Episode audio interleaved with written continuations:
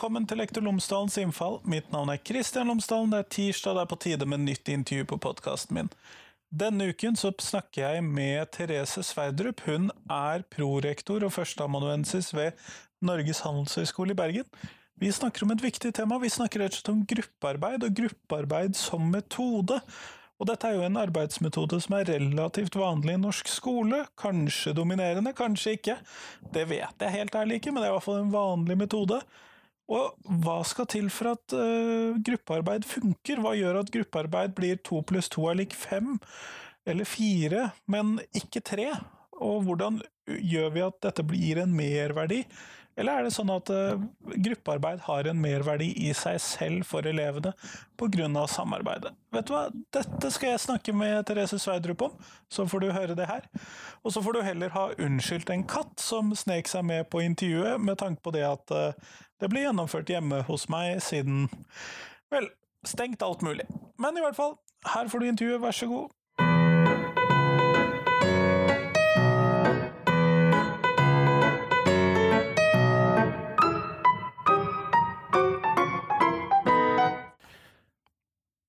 Therese Sverdrup, tusen takk for at du har tatt tid til meg i dag. Bare hyggelig. Før vi starter selve intervjuet, kunne du fortalt lytterne mine tre ting om deg selv, sånn at de kan bli litt bedre kjent med deg. Ja, jeg er da bergenser, som folk eh, hører. Eh, min utdannelse er at jeg har et hovedfag i organisasjonspsykologi fra NTNU, en doktorgrad fra NHH, og så er da førsteamanuensis og akkurat nå prorektor på NHH. I tillegg så har jeg en podkast som heter Ledertaffel, som er NHHs podkast om ledelse, som jeg selvfølgelig oppfordrer lytterne til å kikke innom. De finner, lytterne finner en lenke til den i shownotesen hvis de ser litt etter. Ja. Og hvis jeg kan skyte inn òg, forskningstemaene mine det er knyttet til ledelse og samarbeid og teamarbeid, og egentlig det som handler om relasjoner mellom mennesker. Så bra, for det er nettopp teamarbeid som jeg har lyst til å snakke med deg om. fordi at dette med å sette sammen elevene til grupper og få mm. de til å arbeide sammen og produsere noe sammen, mm. er jo øh, en relativt øh, ofte brukt øh, undervisningsmetode i skolen. Enten vi snakker i grunnskolen eller på videregående, eller sikkert også på universitetet hvor jeg ikke har så mye erfaring.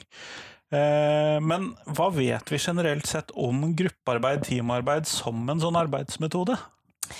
Det vi vet, eh, som du sier, at det har i hvert fall vært en økning i kvantitet, hvis vi kan si det slik. Både på grunnskole, i arbeidsliv osv. Så, videre, så finner du nesten ingen steder der de f.eks. lyser ut en stilling der det ikke står 'vi trenger en team player', eller noen som kan være god på samarbeid.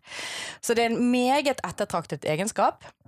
Det som jeg syns er interessant, som forsker på team, jeg tror på team, så bare for å ha sagt det først, det er det at eh, hvis du tenker deg den romantiske forestillingen vi i dag har om at to pluss to blir fem, det viser seg som oftest at to pluss to er lik tre. Ja, nettopp. Ja, så det å sette sammen folk i team, vi har en vanvittig tro på det, men når vi faktisk sånn rent forskningsmessig går inn og måler resultatene av hva teamene oppnår, så går det ikke sånn kjempebra.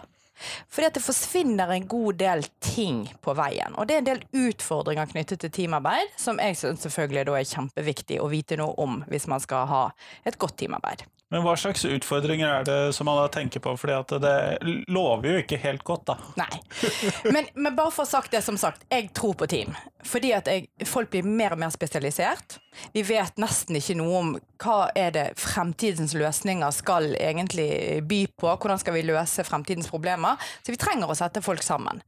Men jeg tror folk har kanskje undervurdert utfordringene det er om å få folk til å by på det de har. Det handler om fire ting, gjerne. Det er det at det er uklare mål. Det er problemer med motivasjon, at folk kanskje ikke helt gidder. Det er knyttet til koordineringsutfordringer, at vi går i beina på hverandre. Og så er det også det som vi snakker om, at folk i team er faktisk mindre kreative enn når de er alene. Og det er ofte en stor overraskelse for folk. Ja, eh, Men hvorfor det? Ja, Jeg kan gjerne gripe fatt i akkurat det. For det, det er den jeg pleier å slenge ut i rommet når jeg foreleser om dette. Hvem er mest kreative? Team eller individer? Og majoriteten da svarer team.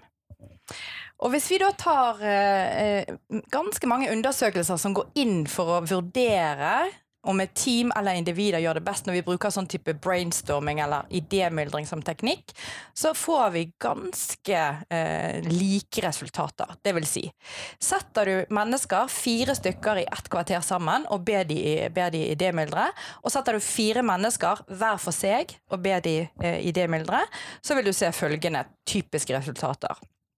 At de som satt sammen, i snitt kommer opp med 28 ideer. At de som sitter hver for seg, kommer i snitt opp med 75 ideer. Så rent kvantitativt så kommer de som sitter alene i 15 minutter, opp med mange flere ideer. Og så vil jo selvfølgelig den eh, smarte lytter si ja, men selvfølgelig teamets ideer er mye bedre kvalitativt enn individenes ideer. Men i disse undersøkelsene man har gjort, så har man også tatt en, en, eh, en et uavhengig dommerpanel som har vurdert kvaliteten på ideene. Og igjen, individene mye bedre ideer enn teamet. Så skal du lytte til det, da. Hva sier den forskningen? Den sier har du et kvarter og trenger å komme med ideer, så skal du ikke bruke team. Da skal du bruke individer. Men så er det jo litt mer i det svaret enn akkurat de der 15 minuttene. Og det teamet gjerne er god på, det er jo også dette å bygge på hverandres ideer. Teamet er veldig god på å komme opp med kritiske faktorer knyttet til ideene, og òg om vi klarer å implementere ideene. Så det er ikke det at vi ikke skal bruke team, men det folk ofte kanskje gjør feil, det at de går rett i teammodus. Nå skal vi idémyldre. Og det som typisk skjer, det er nettopp det at når du da sitter i det teamet og hadde det kvarteret, så begynner du å snakke, sant? så sier du et eller annet idé. Da begynner jeg å bygge videre på deg, istedenfor at jeg har et det, uavhengig perspektiv på mine ideer. Og Sam ved siden av oss eh, blir også farget. Det er også noe med at når du snakker om din idé, så blokkeres min idé. Så faktisk den faktoren som forklarer dette i størst grad, det er det som kalles blokkering. Altså at ikke du klarer å ha fri strøm av tanker når du lytter til noen andre snakke. Det vil du gjøre når du sitter alene i disse 15 minuttene. Og så er det noen som sier sånn Er du gal? Jeg kan ikke sitte 15 minutter. Jeg trenger folk. Jeg trenger inspirasjon. sant? Ja, OK. Men, men det der kan vi øve oss på. Så, så egentlig budskapet i akkurat dette er at team kan være kreative, men veldig ofte så går vi litt for raskt inn i teammodus. Og det vi skal lære oss av dette, er variasjon mellom å være individene alene først, så møtes i teamene, og så kan vi kanskje ta med oss ideene vi har kommet opp med individuelt. Sånn at eh, hvis vi da sitter alene, kommer opp med ideene, og så går sammen og skyter noen av de vekk fordi mm. at noen av de mm. var dårlig. ja. Og så eh, bygger vi på noen av de og setter noen av de sammen og fremhever noen av de, så får mm. vi bedre resultat. Absolutt. Det viser forskning. Men, men, det er nettopp denne hvem er mest kreative individer eller team. Vi har så lett for å gå i, og igjen, her kommer to pluss to er lik fem. Flere hoder tenker bedre enn ett, ja. osv. Vi har så mange sånne type anekdoter om team. Så veldig interessant, syns jeg, når du ser da egentlig denne forskningen viser at to pluss to er lik tre. Så hvor det der gapet har, eh, har, oppstått, vet jeg ikke helt. Nei, jeg ser den. Eh, mm. Men er det noen sånne fordeler som vi kan se på teamarbeid? For nå har vi jo snakket om ulempene med teamarbeid. Mm. Jeg regner med at du har noen fordeler også? Absolutt. Og, og jeg innledet litt i sted med å si at nå blir vi mer og mer spesialisert. Vi sitter på ganske spesialisert kunnskap etter hvert, som gjør at når vi da forener kanskje et fagfelt innenfor kunst og kultur med matematikk i disse dager, så kan masse spennende oppstå. Og vi vet det at fremtidens løsninger eh, på problemer vi ser på i dag, krever ganske mye komplekse eh, sammenstillinger av kunnskap. Og det er jo den absolutt store fordelen. Så det med å forene spesialister Det andre er jo at folk, folk mange gjerne, gjerne syns det er kjekt å jobbe sammen i team. Så det er den sosiale motivasjonsfaktoren også. Men igjen, her er vi forskjellige. sant? Eh, og som jeg sa i sted også, det der med nye stillingsutlysninger. Du kan nesten ikke komme på et jobbintervju i dag og si at 'nei, jeg er ikke noe teamplayer'. Jeg vil helst sitte alene på et kontor i en krok. Ja. Men noen av oss har det jo sånn. Vi syns faktisk det er litt kjekt å sitte alene. sant? Eh, og, og, det får du nesten problemer med i dag. Men jeg tror òg at eh, som gode arbeidsgivere så skal vi gi det rommet til folk. Sant? Og variere mer. Og det er jo ganske interessant i dag i koronasituasjonen. For nå spiller Jeg skulle til oss å ja, si det. I koronasituasjonen som vi er akkurat i dag, det kan vi ha med. Det kan bli interessant hvis man lytter på denne episoden om noen år frem i tid. Så skylder vi vel å, å si noe om det. At vi sitter alene. men vi møtes jo via Teams og Zoom og Whereby og whatnot. sant? Og noen vil jo faktisk si at dette har gjort noe med teamarbeidet. Jeg hørte med, med noen som jeg eh, samarbeider med, en sånn eh, Vi har et forskningsprogram som er sponset av næringslivet. Og de sa det at det som er litt deilig, vi driver og fusjonerer. Og nå plutselig betyr det ikke noe lenger at vi bare er to på kontoret, og de andre er egentlig syv på sin lokasjon. For nå er vi plutselig likeverdige. For vi sitter i de virtuelle rom. I hvert vårt individuelle rom. Ikke sant? Og, og da betyr ikke den lokasjonen så mye, og det har vært veldig bra for de.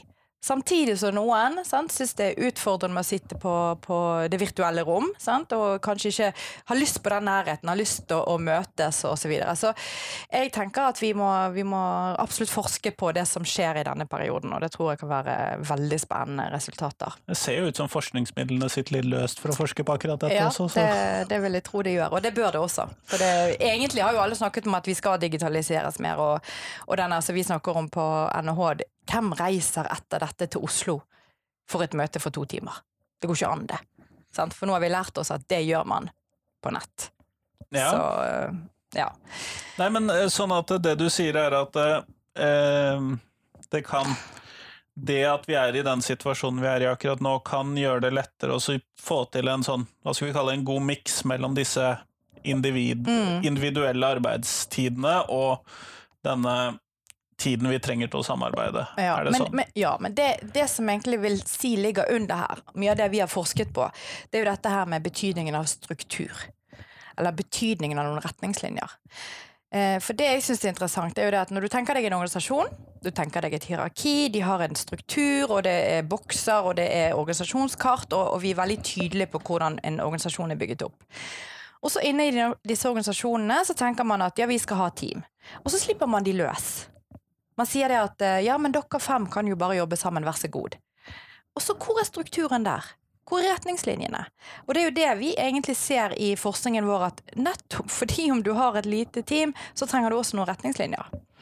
Så det vi eh, bet oss merke i eh, når vi gikk inn i forskningslitteraturen, begynner det å bli en 13-14 år siden vi begynte å gå inn i dette. En som heter Vidar Skei og meg, som har dannet noe som heter CORE-gruppen, som står for Corporation Research. Vi så det at ja, det jeg har oppsummert litt til nå, at det er utfordringer av team, men vi kan også få mye bra ut av team.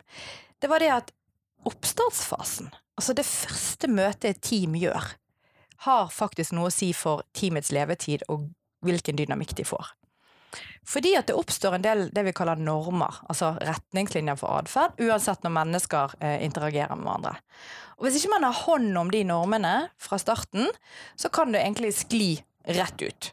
Sant? Det kan være knyttet til at det alltid er en dominerende person som tar ordet, mens den som gjerne ikke er den typisk utadvendte, blir ø, veldig passiv. Sant? Det kan handle om koordineringsutfordringene, at ikke de har et klart mål osv. Så, videre. så dette var det vi tenkte at dette ville vi gripe fatt i og se litt sånn Hvilken betydning har egentlig den oppstartsfasen? Og hvis den har en så stor betydning som vi har en indikasjon på at den har, hva skal vi så anbefale at folk som da setter sammen et team, skal gjøre i den oppstartsfasen? Og det har vi brukt ganske mye tid på i, i de senere år med våre forskningsstudier, og er vel egentlig ikke ferdig utlært, men eh, vi kan absolutt komme med noen eh, tips der. Men er det noen sånne Fordi at dette eh, Skolesituasjonen er jo kanskje litt annerledes enn situasjonen for eh, arbeidstakere, sånn sett. Men Mm. eh, har du noen tanker om hva som skal til for å gjøre det til en suksess, da? Mm. Teamet, tenker du? Ja? Ja, altså Av den forskningen vi har gjennomført når, vi, når jeg skal liksom si fire tips Som folk elsker, sant? for det er sånn nesten du kan huske.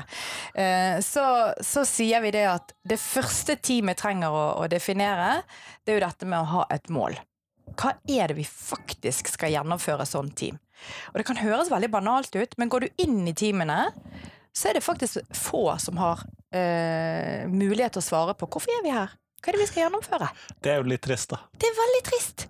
Nå kan ikke jeg snakke med skolesituasjonen, selvfølgelig, for der har ikke jeg vært inne og forsket, men nå snakker jeg om arbeidslivet. Så kan jo dere som lytter vurdere hvor flink man er å definere for disse skoletimene. Kanskje det er lettere der, ja, dere skal gjennomføre en oppgave, lage en presentasjon osv. Så, videre. så det er kanskje ikke det største. Så, men i hvert fall Men det er uklart trist mål. likevel. Det er trist likevel. Så det å ha et klart mål, det er nummer én. Hvorfor er vi her? Hva er det vi skal gjennomføre? Det andre er jo hvem skal gjøre hva? Og du kan kalle det roller, du kan kalle det arbeidsfordeling. Men det typisk som skjer eh, det, Nå har jo jeg barn som går i skolen. Det er jo det at noen er veldig aktive og begynner med sånn Yes, jeg tar og gjør det og det og det, og du gjør sånn. Eller den ene bare gjør alt, og, og så videre. Sant? Så, så, det er noe med at folk må forstå hvilken, hvordan skal de løse dette målet, hvem skal gjøre hva, og fordele det. Ikke tråkke i beina på hverandre.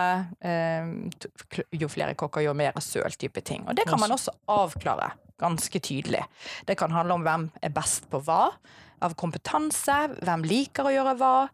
Har vi behov for en lederrolle her? I så fall, hva skal lederen gjøre? Og så videre. Så det er det andre. Koordinering. Det tredje er jo normene. Altså hvordan skal vi jobbe sammen? Er det greit å sant, Når man har møter, er det greit å sitte på mobilen, svare på meldinger? Er det greit å svare på e-poster? Er det greit å komme for seint? Hvor streng, hvordan skal vi styre disse møtene på en god måte. Det trenger ikke være mange sånne typer normer du etablerer, men når ikke du de, de, definerer sånne normer, så kommer det kanskje noen sånne ikke så hensiktsmessige normer. Ja, og ja. det gjør det kanskje også lettere å sluntre unna. Det er nettopp det. Så her er det jo der vi skal få bukt med kanskje det vi kan kalle undersluntringen, At folk skal kjenne at de tar et ansvar, og at de har en dedikert rolle. Eh, de som eh, lytter, vil kanskje kjenne til fenomenet sosial loffing og ikke veldig godt oversatt fra engelsk som heter social loafing, men det er det som mange kaller gratispassasjer. Ja, det er et litt større fenomen enn gratispassasjer. Det beror på en eh, studie helt tilbake til begynnelsen av 1900-tallet, som ble gjennomført av en som heter Ringelmann som gjennomførte en sånn tautrekkingskonkurranse. Der han først hadde enkeltindivider til å dra i tau, og så hvor sterke de var, og så satte han de sammen. Og effekten det det viste, var at ok, du har fire personer, og de trekker i x antall kilo. Da skulle man tenke at man bare plusser sammen de kiloene, og så ville de til sammen dra så mye kilo som du har plusset sammen. Og er man virkelig gæren, så ville man tenke at de ville trekke enda mer, altså hens to pluss to er lik fem. Det det viste seg, var at jo flere mennesker som ble med, jo mindre trakk de til sammen. Altså det er nedadgående effekt på hver enkelts bidrag jo flere mennesker som kommer inn. Det heter Ringelmann-effekten eller sosial loffing. Så det som skjer er at når du setter mennesker sammen, så begynner du på minussiden. Nettopp. Ja. Så du må egentlig i starten bare få de opp til å ville yte, og klare å yte så mye som de kan gjøre. Og det kan disse normene, sant, som punkt tre, eh, kan gjøre noe med. Og en liten sånn eh, type effekt der som jeg også vil trekke frem, vi har snakket om motivasjonsproblemer, vi har snakket om kreativitetsproblemer. Det er det med å etablere det vi kaller psykologisk trygghet. Eh, den siste episoden jeg spilte inn i egen podkast, handler nettopp om psykologisk trygghet. Det er et gruppefenomen som viser noe om at når du er i en gruppe, og du tør å by på det du tenker, uten at du tenker at det har en, en trussel mot egen identitet eller eh, rykte, så vil du by på det alle har sikkert vært i grupper der de kjenner på en sånn han eller hun er skummel, nå kommer jeg til å bli slaktet ned, og da byr du ikke på helt det du sitter inne med. Og hvis det er en gruppe da som har en lav grad av psykologisk trygghet, så vil du heller ikke få folk til å yte like mye, og da er du tilbake på to pluss to er lik tre. Så igjen, det å etablere noen normer som gjør at folk faktisk byr på det de har, både at de vil gjennom motivasjon, men også at de er trygge, det har vist seg å være ekstremt viktig. Og så har du det fjerde punktet. Så de tre punktene jeg har snakket om nå, klare mål, rollefordeling og det med gode normer for team, det er noe du kan gjøre i selve oppstarten. Så begynner teamet å jobbe. Og nå, nå, er jeg tilbake litt sånn til arbeidslivet. Det får dere se hvordan dere klarer å overføre til skolesituasjonen. Jeg tror nok det er en del overføringsverdi her. Ja. Men da vil det være slik at eh, ok, vi etablerte de normene. Vi lagde et mål, vi fordelte arbeidsoppgaver. Var det hensiktsmessig? Det vet man kanskje ikke helt i starten. Man tar en sjanse, og så er det mange team som bare begynner å løpe. Sant? De er travle, og så stopper de aldri opp. Så den fjerde faktoren er faktisk refleksivitet, som vi kaller det. Teamrefleksivitet. Det er evnen til å stoppe opp og si, hvis du har en leder i teamet, vel å merke, eller noen som har den dedikerte oppgaven, hvordan syns dere vi fungerer? Så en underveisevaluering, da? En liten evaluering, da. Ja. ja. Men det er Og det, det høres veldig banalt ut, og kanskje, ja selvfølgelig, men det er faktisk veldig få som gjør det. Og tilbake til psykologisk trygghet igjen. Er du i et team der det er lov å si det at eh, Vet du hva, Christian? Jeg har lagt merke til at du ofte himler med øynene når jeg snakker. Syns du at det jeg kommer med er, er teit eller dumt, eller hva er det, er det at du, du har noe allergi? Hva, hva er greien, liksom?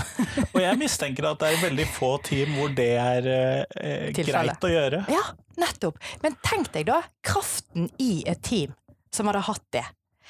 Eh, og det kan, eh, det kan trekke inn der av data eller bevis. Det er jo noe som kalles for Google-studien. Google kjenner mange til. Det er en bedrift som er rik, de får ting til, og de jobber i team. Så de fant ut det at de ville sende inn forskere eh, for å virkelig knekke koden på hvilke er de mest effektive teamene hos oss, sånn at vi kan bruke den kunnskapen til å få enda bedre team og bedre organisasjon og mer bunnlinje og alt dette her. Så de fikk to, eh, forskere til å mappe og se på alle teamene i organisasjonen over to år. Det er et ganske stort prosjekt. Da. Et enormt stort prosjekt. Aristoteles het selve prosjektet. Det de var veldig interessert i, det var jo sammensetningen. sant? Personlighetssammensetning, mangfoldsdimensjonen, mangfoldsdimensjon, pers eh, alder, eh, bakgrunn rent sånn faglig osv. Så Mange sånne faktorer du kan tenke deg med personer og team, så de ville finne en slags sånn formel på. Etter to år med studier var egentlig resultatet nedslående. Det var null funn. Som forsker blir du jo sykt fortvilet. sant? Her sitter du og forsker, og du finner ingenting. Dette er forferdelig. Men så tenkte de dette kan ikke være forgjeves. Nå har vi samlet data, vi har samlet data. Men de hadde gått på å kalle de der karakteristikkene ved personer og Alle tingene som de kan putte i en statistikk. Altså. Ja, ja. Er det noe mer her? Kan vi, kan vi grave dypere? Er det noe hva teamene gjør?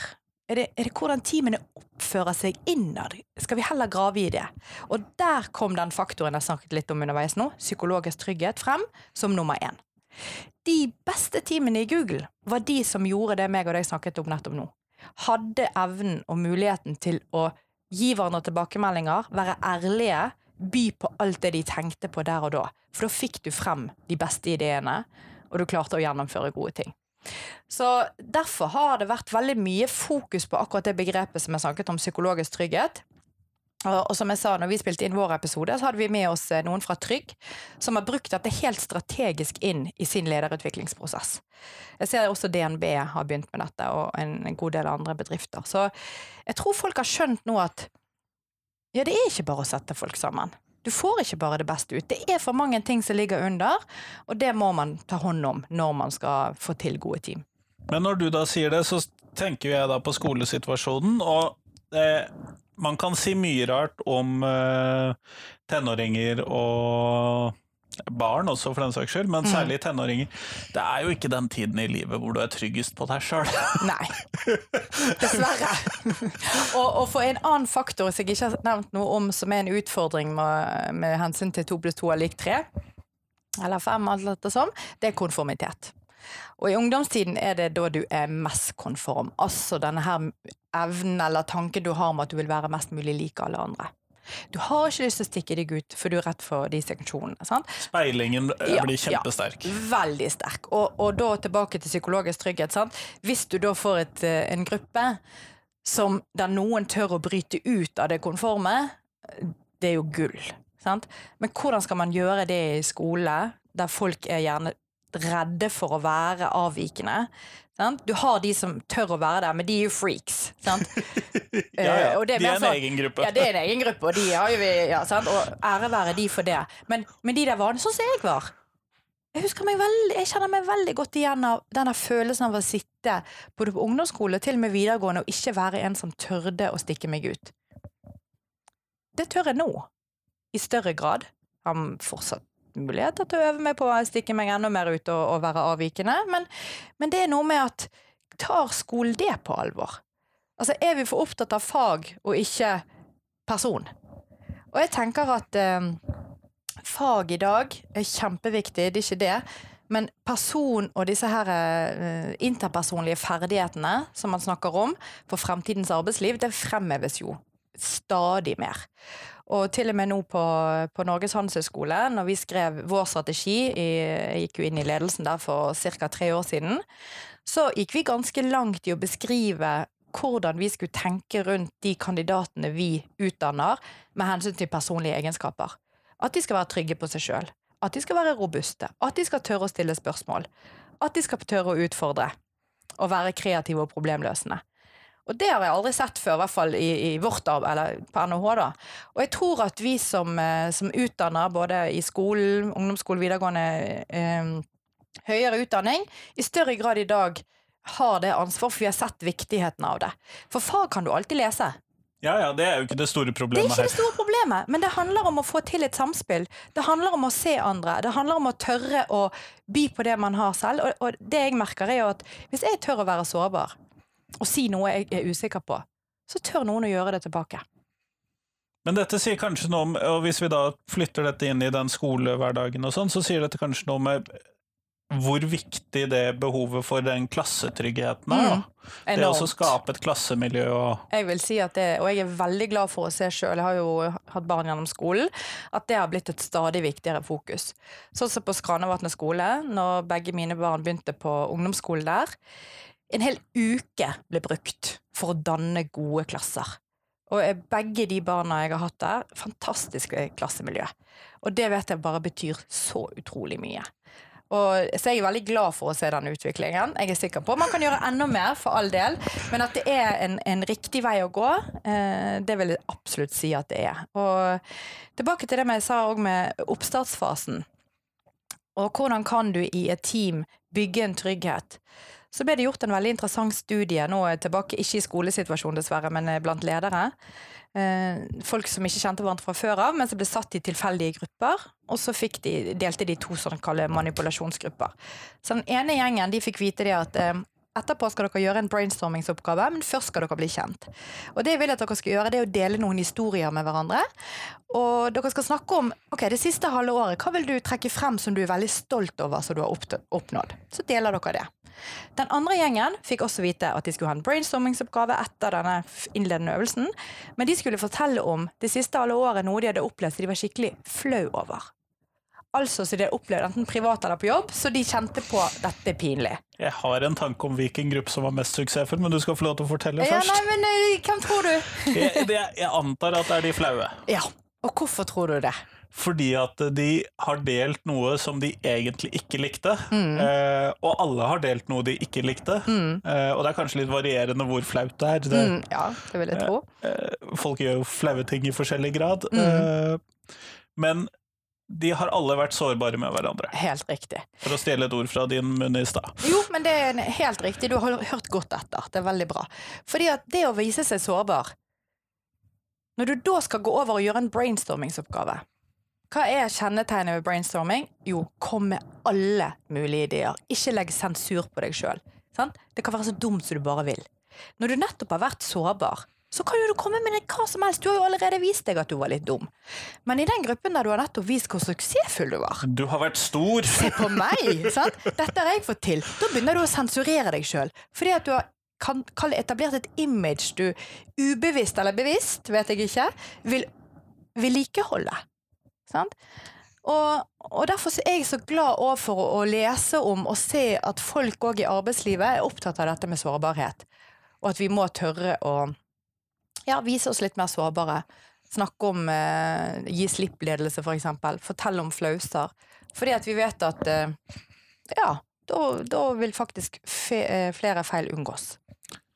Ja, og alle vet jo at alle ledere tabber seg ut før eller siden og med små og store ting, sånn at eh, Ja, det har vi. Og i hvilken grad er du, er du moden nok til å gå inn og fortelle det, evaluere det og si hvordan har jeg tenkt å reparere det. Sant? Det er jo det vi vil bli evaluert på. De fleste vil tenke at alle gjør feil. Selvfølgelig kan vi tilgi dette. Hvis man da viser en, en fin måte å komme gjennom det på. Mm. Men når vi da skal bruke teamarbeid i skolen, eh, og du har allerede etablert at et godt og trygt klassemiljø er Mm. absolutt en faktor her, men er det noen andre ting som du tenker at vi lærerne bør tenke på før vi setter sammen disse eh, gruppene som da skal arbeide sammen Mm. med forskjellige oppgaver? Noen oppgaver er jo korte, og noen er lange, og sånn selvfølgelig, sånn at det er jo stor forskjell her på oppgaver. Hvis, hvis man tenker seg eh, denne dimensjonen mangfold, diversitet diversitet handler jo om hvor forskjellig man er, osv. Og, så og så tenker man det at jo mer forskjellig en gruppe er, jo større potensial har de.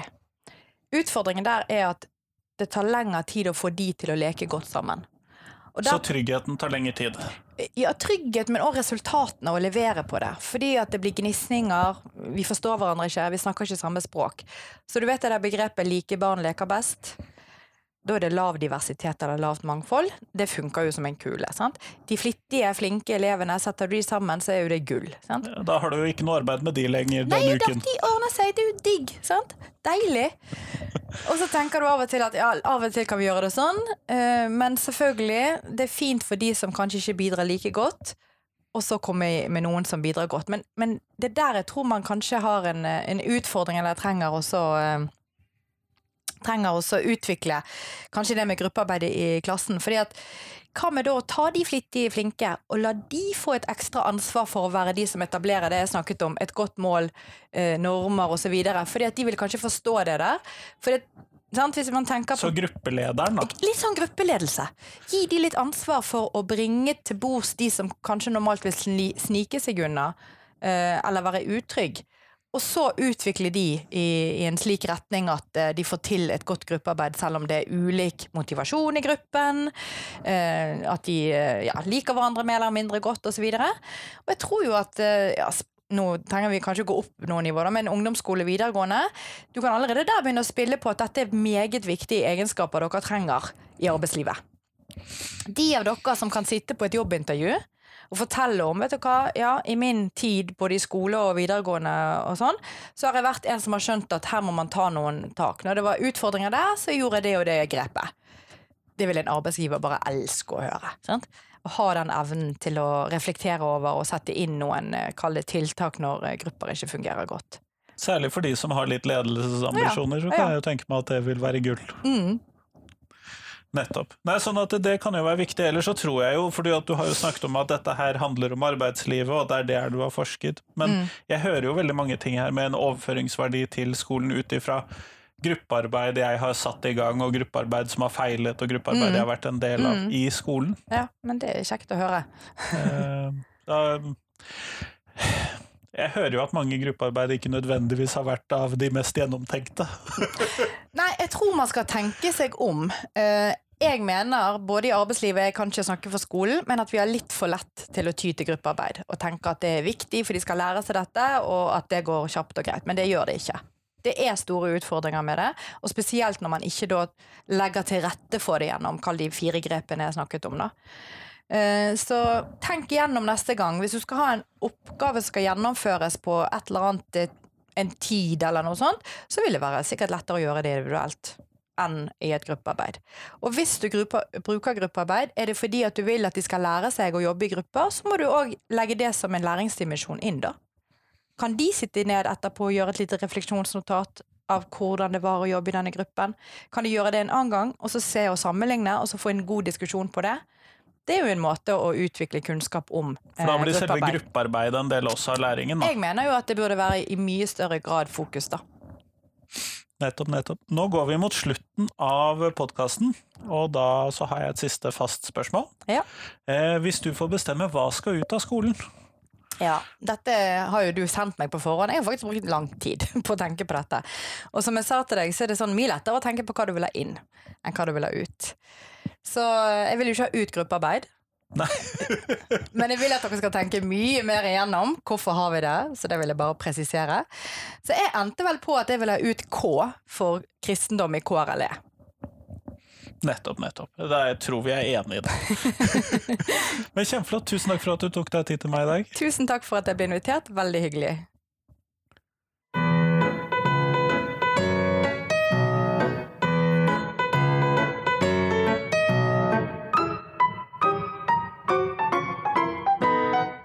Tusen takk til Therese, og tusen takk til deg som hørte på. Nå er det én uke igjen til neste podkastintervju. Da snakker jeg med Marta Straume, som eh, snakker om den nye opplæringsloven, og det at i forslaget til ny opplæringslov i NOU 2019-23 så er det skoleplikt og ikke opplæringsplikt, slik det er i dagens opplæringslov. Sånn at det snakker vi da om neste uke. I mellomtiden så hadde jeg håpet at du kunne rate podkasten min der hvor du hører på podkast, enten det er hos Apple eller hos Google eller hos Spotify eller noen andre. Det blir jeg veldig glad for. Men i hvert fall, fram til neste uke, så får du ha en fin uke. Hei, hei!